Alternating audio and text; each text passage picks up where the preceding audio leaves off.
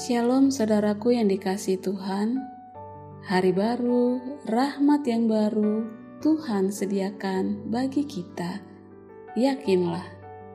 Firman Tuhan hari ini Mazmur 3 ayat 2 dan 3. Ya Tuhan, betapa banyaknya lawanku.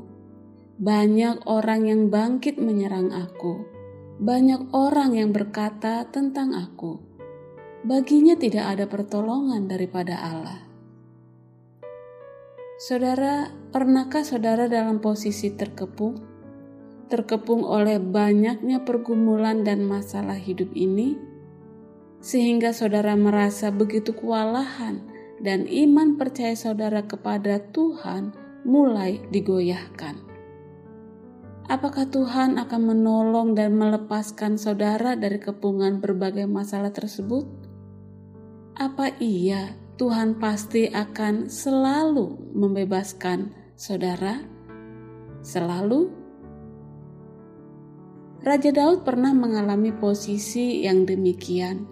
Ia terkepung oleh banyaknya musuh dan orang yang memusuhinya yang paling berat adalah Absalom, anaknya sendiri.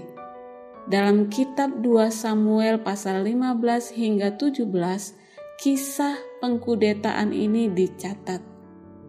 Melawan dan membasmi Absalom, Mbak Simalakama. Absalom dibunuh, anaknya sendiri. Tapi kalau tidak dibunuh, maka Daudlah yang akan dibunuh. Keadaan yang sangat tidak mudah, terkepung, terjepit. Kalimat pembukaan dari Mazmur 3 ini dimulai oleh Daud dengan pernyataan bahwa dia begitu kewalahan oleh banyaknya lawan yang menginginkan kehancuran dan kematiannya. Jujur, Daud pun merasa gentar dan putus asa karena jumlah yang memusuhinya begitu besar. Bahkan ketika para musuh itu mencemooh iman Daud kepada Tuhan Allahnya, ini akan memperberat mental, perasaan, dan iman Daud. Di ayat 3 dikatakan, baginya tidak ada pertolongan daripada Allah. Menghadapi keadaan yang begitu sulit dan terkepung ini, bagaimana Raja Daud menyikapinya? Saudara, Raja Daud datang kepada Tuhan dan berseru kepadanya. Mengapa Daud tetap melakukan hal tersebut? Karena Daud yakin bahwa hanya Tuhan yang dapat ia andalkan.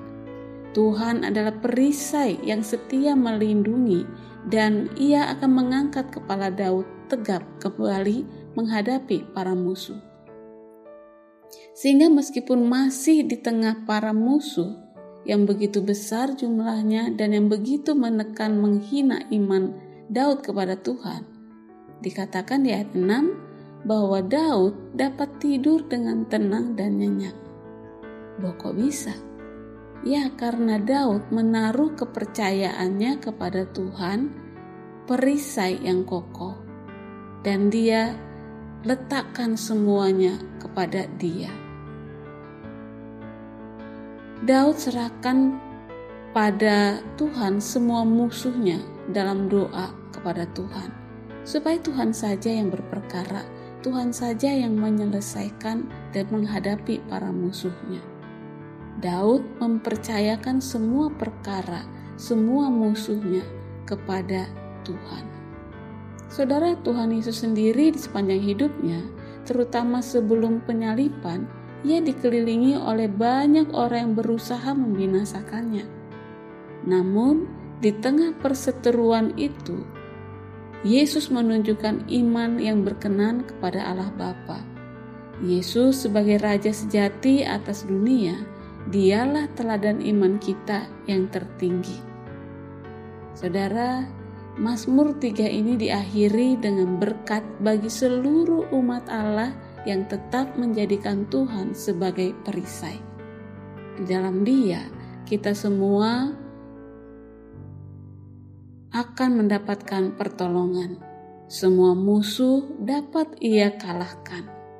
Saudara, Apa sajakah bentuk-bentuk musuhmu saat ini yang begitu berat dan mengepungmu? Saudara datanglah pada Tuhan, berserulah lagi kepadanya, dan yakinlah ia akan mengangkat kita pada waktunya.